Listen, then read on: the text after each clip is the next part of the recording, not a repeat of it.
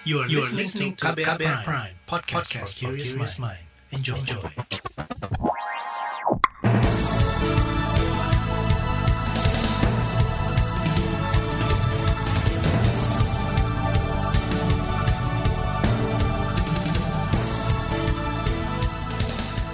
Saudara, inilah buletin pagi KBR edisi 16 Juli 2021. Saya Reski Mesanto. Dan pagi hari ini saya sudah menyiapkan sejumlah informasi untuk Anda. Di antaranya, warga miskin Indonesia bertambah lebih dari 1 juta orang karena pandemi. Bekas Menteri Kelautan dan Perikanan difonis 5 tahun penjara dan DPR sahkan revisi Undang-Undang Otonomi Khusus Papua. Dan saudara, inilah buletin pagi selengkapnya. Terbaru di buletin pagi. Saudara, pandemi COVID-19 di Indonesia yang sudah berlangsung lebih dari setahun menyebabkan penambahan jumlah warga miskin. Badan Pusat Statistik atau BPS mencatat jumlah penduduk miskin di Indonesia hingga Maret 2021 lalu mencapai 27,54 juta orang. Jika dibandingkan pada Maret 2020 atau saat awal pandemi, jumlah penduduk miskin di Indonesia bertambah sekitar 1,1 juta orang dan secara jumlah penduduk miskin pada Maret 2021 ini tercatat sebesar 27,54 juta orang atau turun 0,01 juta orang dibandingkan dengan September 2020 ya. Tetapi masih naik 1,12 juta orang kalau dibandingkan dengan Maret 2020. Kepala BPS Margo Yuwono menambahkan, tingkat kemiskinan di kota dan desa juga meningkat selama periode pandemi. Sementara itu, saudara, meski jumlah penduduk miskin di Indonesia bertambah menjadi 27 juta orang, tidak semua mendapat bantuan sosial dari pemerintah. Ketua Komite Penanganan COVID-19 dan Pemulihan Ekonomi Nasional Erlangga Hartarto pekan lalu mengatakan, saat ini ada 20 juta keluarga miskin di Indonesia yang akan mendapat bantuan program Keluarga Harapan dari pemerintah saat pelaksanaan pembatasan kegiatan masyarakat yaitu PPKM darurat. Sementara itu, Koordinator PPKM Darurat Jawa Bali, Luhut Binsar Panjaitan mengatakan, para penerima bansos juga akan mendapat bantuan beras selama PPKM darurat yang akan disalurkan oleh aparat TNI Polri pada bulan ini. Kemudian Presiden merintahkan juga program bantuan beras kepada masyarakat. Ini penting di samping bansos yang sudah dilayani oleh Ibu Menteri Sosial, ini diberikan dan TNI Polri bergerak sampai kepada kantong-kantong kemiskinan yang ada kita lihat. Tidak boleh ada rakyat sampai kelaparan. Koordinator PPKM Darurat Jawa Bali, Luhut Binsar Panjaitan menjelaskan, bantuan beras yang disiapkan sebanyak 11.000 ton dan menggunakan anggaran sekitar 117 miliar rupiah. Masing-masing kepala keluarga akan mendapatkan 10 kilogram. Target penerima bantuan adalah pekerja harian dan pekerja informal yang terdampak, seperti pedagang, ojek, supir taksi, hingga kuli bangunan. Saudara, Koalisi Masyarakat Sipil menilai masyarakat yang berhak menerima bantuan sosial dari pemerintah selama PPKM darurat semestinya bukan hanya masyarakat miskin. Perwakilan Koalisi Masyarakat Sipil Muhammad Isnur mengatakan, bantuan sosial harus bisa menjangkau seluruh masyarakat yang terdampak dari kebijakan PPKM darurat. Data soal miskin, ini data ini formulanya seharusnya formula orang yang dikenakan uh, selain miskin ya miskin udah pasti. Ya tapi juga diken orang yang saat ini diberlakukan ppkm darurat. Jadi orang-orang yang benar-benar sebenarnya dia nggak miskin mungkin dalam kategori BPS karena BPS kategorinya kan sebenarnya sangat miskin kan? Orang-orang yang benar-benar di bawah garis gitu ya. Tapi juga ada orang-orang yang di, mungkin kategorinya nggak miskin tapi dia nggak bisa ngapa-ngapain juga. Nggak punya uang buat makan gitu kan Muhammad Isnur yang juga Ketua Bidang Advokasi dari Yayasan Lembaga Bantuan Hukum Indonesia atau YLBHI menambahkan, bantuan sosial juga seharusnya diberikan langsung dan tunai karena lebih efektif digunakan masyarakat memenuhi kebutuhan, bukan hanya pemenuhan pangan. Selain itu, bantuan berupa barang seperti sembako juga rawan terjadi markup dan penyelewengan. Sementara itu, Komisi Bidang Sosial DPR meminta pemerintah mensinergikan data penerima bantuan sosial – Wakil Ketua Komisi Bidang Sosial DPR Aceh Hasan Syazili mendesak pemerintah bergerak cepat memutakhirkan data penerima bansos untuk membantu masyarakat yang terdampak pandemi dan kebijakan PPKM darurat. Apalagi jika pemerintah hendak memperpanjang PPKM darurat penggunaan teknologi informasi seharusnya itu hmm. menjadikan pemutakhiran data menjadi real time gitu. Nah, oleh karena itu, walaupun Kementerian Sosial memiliki apa yang disebut dengan 6NG, ya, informasi kesejahteraan sosial next generation, kami terus minta supaya ini harus dibenahi. Kenapa? Karena jangan sampai ketika situasi sangat darurat seperti sekarang ini, kita masih berdebat kepada persoalan-persoalan seperti ini gitu. Wakil Ketua Komisi Bidang Sosial DPR Aceh Hasan Syazili juga meminta pemutakhiran data terpadu kesejahteraan sosial di Kementerian Sosial. Selama ini data penerima bansos masih banyak masalah dan menghambat penyaluran bantuan sosial. Saudara ekonom dari Lembaga Pemantau Ekonomi Indef Bima Yudhistira menilai, peningkatan angka kemiskinan tahunan dipengaruhi berbagai faktor. Selain imbas pandemi COVID-19, faktor lainnya yaitu belum meratanya jaring pengaman sosial melalui bantuan sosial. Bahkan jumlah bansos pun masih sangat kecil. Melihat dari dinamika COVID-19, memang membuat pergerakan masyarakat, khususnya masyarakat di sektor UMKM, di sektor informal, yang rentan miskin ini kesulitan untuk melakukan pencarian pendapatan yang baru. Nah, itu yang membuat angka kemiskinannya meningkat. Dilihat dari program pemerintah, sebenarnya kalau secara objektif, memang sudah ada anggaran bantuan sosial, tapi jumlahnya terlalu kecil. Jumlahnya tidak memadai karena banyaknya orang-orang miskin baru. Ekonom Bima Yudhistira mengatakan banyak masyarakat menengah yang turun kelas menjadi masyarakat miskin akibat kehilangan pekerjaan. Selain itu, anggaran bansos dalam bentuk tunai maupun sembako jumlahnya masih terlalu kecil dan tidak sebanding dengan kebutuhan harian masyarakat. Bima berharap pemerintah mendorong bantuan lain yang lebih kreatif agar tidak semakin banyak masyarakat menjadi orang miskin. Sementara ekonom senior Faisal Basri menambahkan, Bansos yang diharapkan kelompok miskin maupun hampir miskin kerap tak tepat sasaran. Saudara ribuan buruh di sektor manufaktur terinfeksi COVID-19. Informasi selengkapnya sesaat lagi, tetaplah di Buletin Pagi KBR. You're listening to KBR Pride, podcast for curious mind. Enjoy!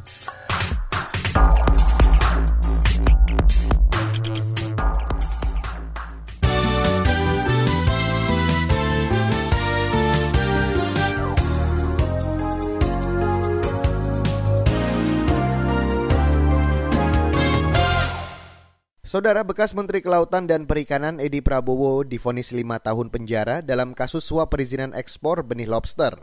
Fonis dijatuhkan Hakim Pengadilan Tindak Pidana Korupsi Jakarta kemarin. Edi Prabowo juga dihukum membayar denda 400 juta rupiah atau pengganti 6 bulan kurungan penjara. Ketua Majelis Hakim Albertus Usada juga menyebut, Edi terbukti menerima suap senilai 77 ribu dolar Amerika dan 24 miliar rupiah lebih dari pengusaha terkait ekspor benih-bening lobster atau benur. Fonis tersebut sama dengan tuntutan jaksa penuntut umum dari Komisi Pemberantasan Korupsi atau KPK. Majelis Hakim juga mencabut hak Edi untuk dipilih dalam jabatan publik selama tiga tahun setelah selesai menjalani hukuman. Saudara Presiden Joko Widodo meminta Panglima TNI Hadi Cahyanto menjadi koordinator distribusi obat terapi pasien COVID-19 yang sedang menjalani isolasi mandiri di rumah. Jokowi juga meminta distribusi obat ini diawasi untuk membantu pengobatan warga yang terinfeksi virus corona. Pasokannya disiapkan oleh Menteri BUMN yang diproduksi oleh BUMN Farmasi dan kemudian pendistribusiannya ini nanti akan dikoordinasikan oleh Panglima TNI yang nanti tentu saja akan berkoordinasi dengan Pemda sampai pemerintah desa maupun melibatkan puskesmas, babinsa, dan pengurus RT, RW. Presiden Jokowi juga meminta pembagian gratis obat terapi COVID-19 ini tidak mengganggu suplai dan pasokan obat terapi esensial COVID-19 di apotek dan rumah sakit. Sementara Panglima TNI Hadi Cahyanto menjelaskan paket obat bisa didapatkan masyarakat yang terdata di puskesmas atau bidan desa. Nantinya data tersebut akan dibagi ke dalam klasifikasi tingkat gejala yang dialami masyarakat – setiap paket diberikan untuk jangka waktu tujuh hari. Untuk paket 2 dan 3 harus dengan konsultasi dan resep dari dokter. Sementara itu, Saudara Satuan Tugas Penanganan COVID-19 menilai masyarakat umum belum perlu mendapat booster vaksinasi suntikan ketiga. Juru bicara Satgas Penanganan COVID-19, Wiku Adhisa Smito mengatakan, Dua dosis suntikan vaksin bagi masyarakat sudah cukup untuk membentuk kekebalan individu yang bisa bertahan hingga satu tahun. Karena studi ilmiah menunjukkan rata-rata antibodi pada populasi dapat bertahan dalam jangka waktu bulanan, bahkan tahunan. Walaupun secara fakta, adanya berbagai macam varian dapat mempengaruhi transmisibilitas maupun efektivitas vaksin yang telah diberikan. Dalam hal ini, WHO menyatakan bahwa keberadaan vaksin COVID-19 masih penting, terutama dalam meminimalisir gejala yang ditimbulkan. Juru bicara Satgas Penanganan COVID-19 Wiku Adhisa menambahkan, vaksin COVID-19 merek apa pun mampu meredam keparahan gejala COVID-19. Sebelumnya, Kementerian Kesehatan berencana memberikan booster vaksinasi suntikan ketiga kepada tenaga kesehatan. Suntikan ketiga akan menggunakan vaksin buatan Moderna. Masih seputar COVID-19, Saudara, lebih dari 10 persen buruh di sektor manufaktur di Indonesia terkonfirmasi positif COVID-19 selama pelaksanaan PPKM darurat. Jika jumlah tenaga kerja di sektor industri manufaktur pada 2020 lalu sebanyak 17 juta orang, maka yang terpapar COVID-19 mencapai 1,7 juta orang. Presiden Konfederasi Serikat Pekerja Indonesia atau KSPI, Said Iqbal mengatakan, buruh yang terkonfirmasi positif COVID-19 umumnya berasal dari buruh intensif padat karya dan buruh padat modal di kawasan Jabodetabek, Banten, Jawa Barat, dan Jawa Timur. Didapatkan data dan fakta yang sangat mengejutkan dan mengkhawatirkan selama dimulainya PPKM darurat hingga hari ini, yaitu lebih dari 10 persen pekerja buruh yang bekerja di sektor manufaktur atau pengolahan saya ulangi, lebih dari 10 persen buruh atau pekerjanya terpapar COVID-19. Presiden KSPI Said Iqbal menambahkan, mayoritas perusahaan dan Satgas COVID-19 perusahaan telah melakukan tes antigen yang dilanjutkan tes swab PCR kepada buruh dengan biaya dari perusahaan.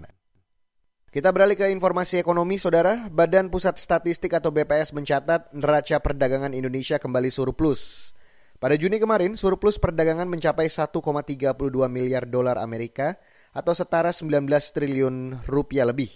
Kepala BPS Margo Yuwono menyebut neraca dagang Indonesia sudah mengalami surplus 14 bulan berturut-turut. Pada bulan Juni 2021, neraca perdagangan kita surplus sebesar 1,32 miliar US dollar. Jadi surplus ini karena nilai ekspor kita itu lebih tinggi daripada impor.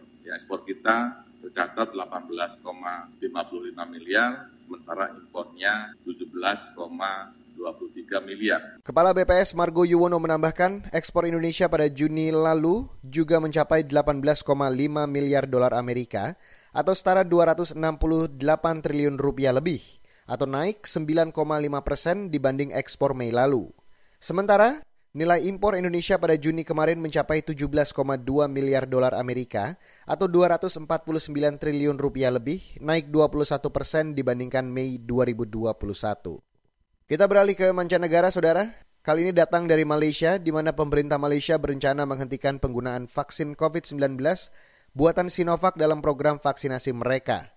Menteri Kesehatan Malaysia, Adam Baba beralasan, Kebijakan itu diambil terkait tingkat kemanjuran vaksin itu di tengah kekhawatiran dengan penyebaran virus corona varian baru yang lebih menular.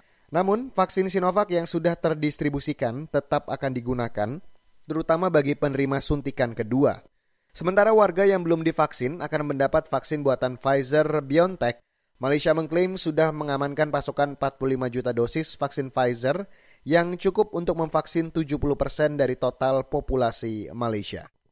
Beralih ke berita olahraga, saudara. Sepekan menjelang pergelaran Olimpiade Tokyo, kasus COVID-19 di Tokyo mencapai angka tertinggi dalam enam bulan terakhir.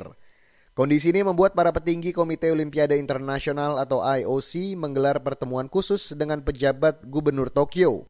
Pertemuan itu diduga membahas dukungan publik di Jepang di tengah ketakutan penyebaran virus tersebut selama Olimpiade.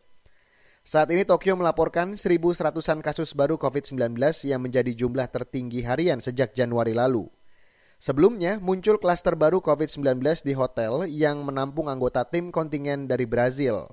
Sementara tim rugby putri dari Rusia harus menjalani isolasi setelah tukang pijat mereka dinyatakan positif COVID-19.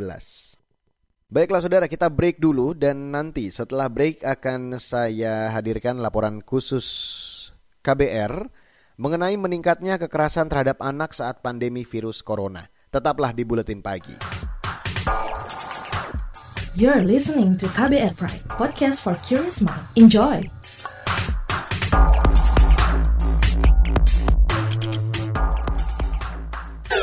Commercial break.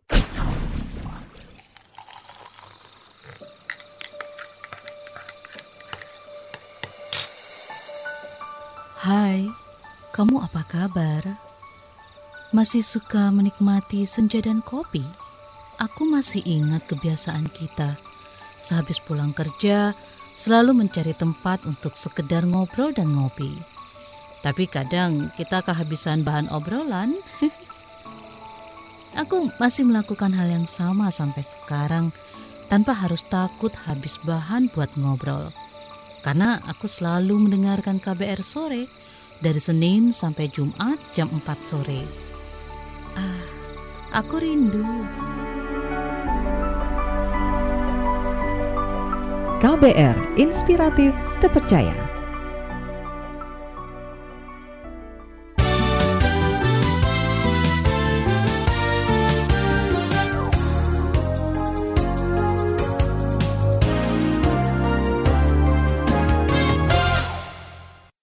Saudara Anda masih bergabung bersama kami di Buletin Pagi KBR. Hasil kajian dan penelitian sejumlah lembaga menunjukkan terjadi peningkatan kasus kekerasan pada anak di masa pandemi COVID-19. Kekerasan terjadi seperti perkelahian, pemukulan hingga pelecehan seksual dan perkosaan. Bagaimana melindungi anak agar terhindar dari kekerasan, khususnya di masa pandemi ini? Berikut saya hadirkan laporan khas KBR yang disampaikan Astri Yuwanasari. Sebuah kajian cepat yang dilakukan Lembaga Kemanusiaan Wahana Visi Indonesia beberapa bulan lalu memperlihatkan terjadi peningkatan kasus kekerasan pada anak selama pandemi COVID-19 di 14 kabupaten kota di Indonesia pada tahun ini. Kajian yang melibatkan Kementerian Pemberdayaan Perempuan dan Perlindungan Anak itu mencatat kekerasan pada anak, misalnya kasus perkelahian, pemukulan, pencabulan, pelecehan seksual, penelantaran anak, hingga perkosaan. Asisten Deputi Perlindungan Anak di Kementerian Pemberdayaan Perempuan Ciput Eka Purwianti mencontohkan salah satu kekerasan yang meningkat selama pandemi adalah kekerasan seksual secara daring. Misalnya eh, kekerasan seksual online yang banyak terjadi yang itu karena memang eh, saat ini semua akses ke internet begitu luas, maka itu juga menjadi eh, isu-isu yang mengemuka yang memerlukan pendekatan tersendiri untuk bisa mengatasinya. Kemudian meningkatnya eh, pekerja anak atau anak yang bekerja karena kesulitan ekonomi yang dihadapi orang tuanya. Ini juga perlu pendampingan Bapak Ibu aktivis PATBM tentu harus paham apa bedanya anak yang bekerja dan pekerja anak. Isu ini menambah dampak pandemi kepada anak, selain dampak penularan virus COVID-19 itu sendiri. Berdasarkan catatan akhir tahun 2020 dari Komisi Nasional Perempuan, selama 2020 lalu ada lebih dari 2.000 kasus kekerasan terhadap anak perempuan. Angka ini bahkan meningkat 65 persen dibanding tahun sebelumnya. Sementara itu Kementerian Pemberdayaan Perempuan dan Perlindungan Anak mencatat angka yang lebih tinggi lagi untuk kasus kekerasan seksual pada anak dan perempuan selama tahun lalu angkanya mencapai lebih dari 7.000 kasus. Sejak beberapa tahun lalu, Kementerian Perempuan dan Anak membentuk Tim Perlindungan Anak Terpadu Berbasis Komunitas atau PATBM. Hingga kini, kader PATBM sudah ada di lebih dari 1.900 desa dan kelurahan di Indonesia. Fasilitator Nasional PATBM Antik Bintari menyebut Keberadaan para kader dan aktivitas PATBM ini sangat membantu memberikan pendampingan pada perlindungan hak anak terutama saat ini di masa pandemi. Sebetulnya PATBM itu udah punya kekasan ya dari mulai tujuannya mereka melakukan apa tuh ya pastinya adalah pencegahan dan merespon atau melakukan deteksi dini ya untuk berbagai kasus kekerasan. Nah aksi kuncinya tentu saja ya tadi harus berkaitan pada dua itu pada pencegahan dan upaya penanganan yang eh, apa minimal gitu ya minimal atau deteksi dini. Deputi Perlindungan Anak di Kementerian Pemberdayaan Perempuan dan Perlindungan Anak, Nahar, mengatakan anak termasuk kelompok rentan yang sangat terdampak pandemi COVID-19. Tidak hanya rentan tertular virus, tetapi juga rentan menjadi korban kekerasan atau dampak lain ketika orang tua harus dirawat atau meninggal akibat COVID-19. Anak-anak kita ini, misalnya orang tuanya harus diisolasi, bahkan misalnya ada orang tuanya dari anak-anak kita ini misalnya meninggal lebih dulu. Lalu kemudian dengan siapa anak-anak ini? Nah, lalu kemudian eh, bagaimana prosesnya dan segala macam ini Jadi ini situasi-situasi uh, yang harus diwaspadai dan kita berharap berharap bahwa uh, COVID-19 uh, yang dapat menghambat pertumbuhan dan perkembangan anak ini bisa di, diantisipasi. Sehingga uh, produktivitas uh, anak tetap harus dijaga. Sehingga misalnya terkait dengan hak untuk mendapatkan pendidikan, terus hak mendapatkan pengasuhan yang layak dan segala macam. Nahar mengingatkan semua pihak agar sama-sama memahami pentingnya melindungi anak dari berbagai dampak yang timbul akibat pandemi baik dampak secara langsung seperti penularan virus maupun dampak tidak langsung seperti stigma, kekerasan, dan pengabaian hak-hak anak lainnya. Laporan ini disusun Agus Lukman, saya Astri Yuwanasari. Saudara, informasi dari berbagai daerah akan hadir sesaat lagi. Tetaplah di Buletin Pagi KBR. You're listening to KBR Pride, podcast for curious mind. Enjoy!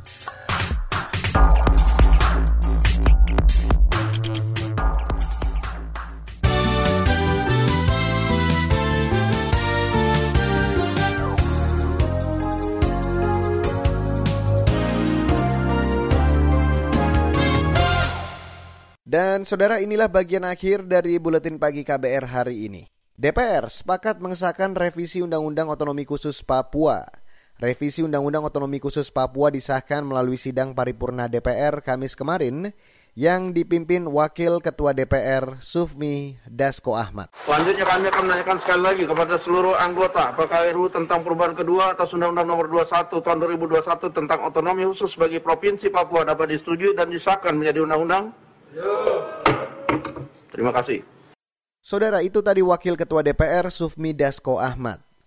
Sebelumnya, Panitia Khusus Pembahasan Revisi Undang-Undang Otonomi Khusus Papua mengklaim telah menerima masukan dari berbagai pihak di Papua, termasuk masyarakat asli Papua.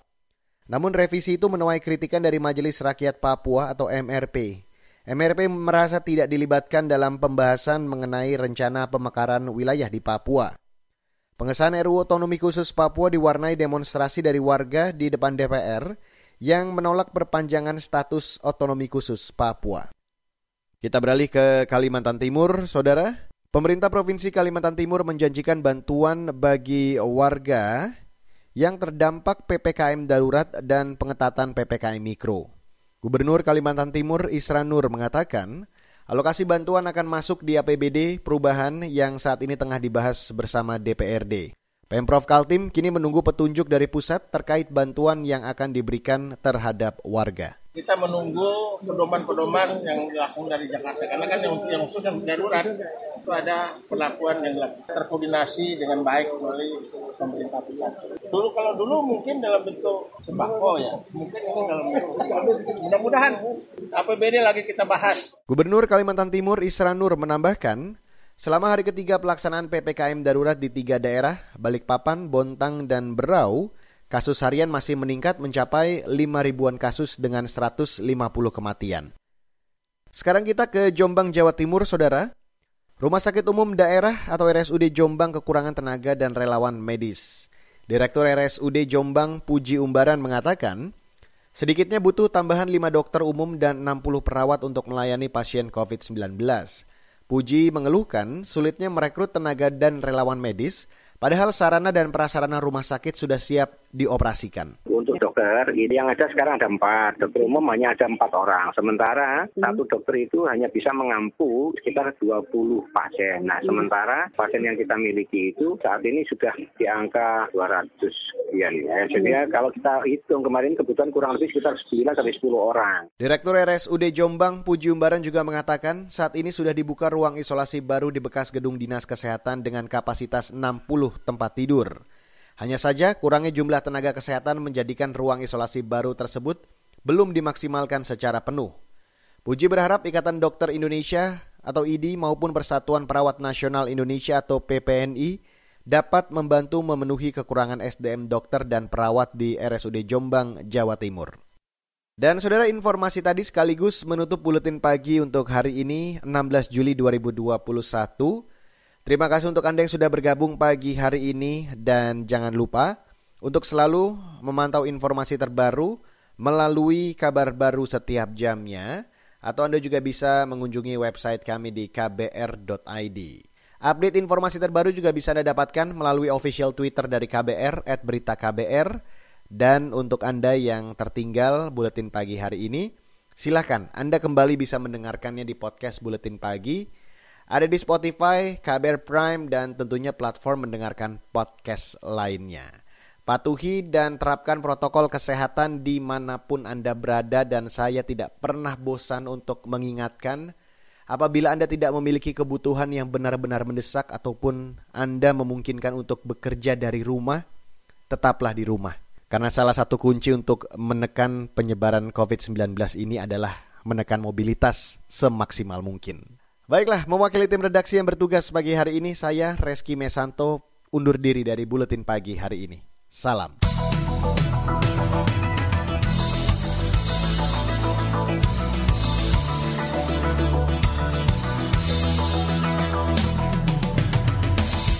KBR Prime, cara asik mendengar berita.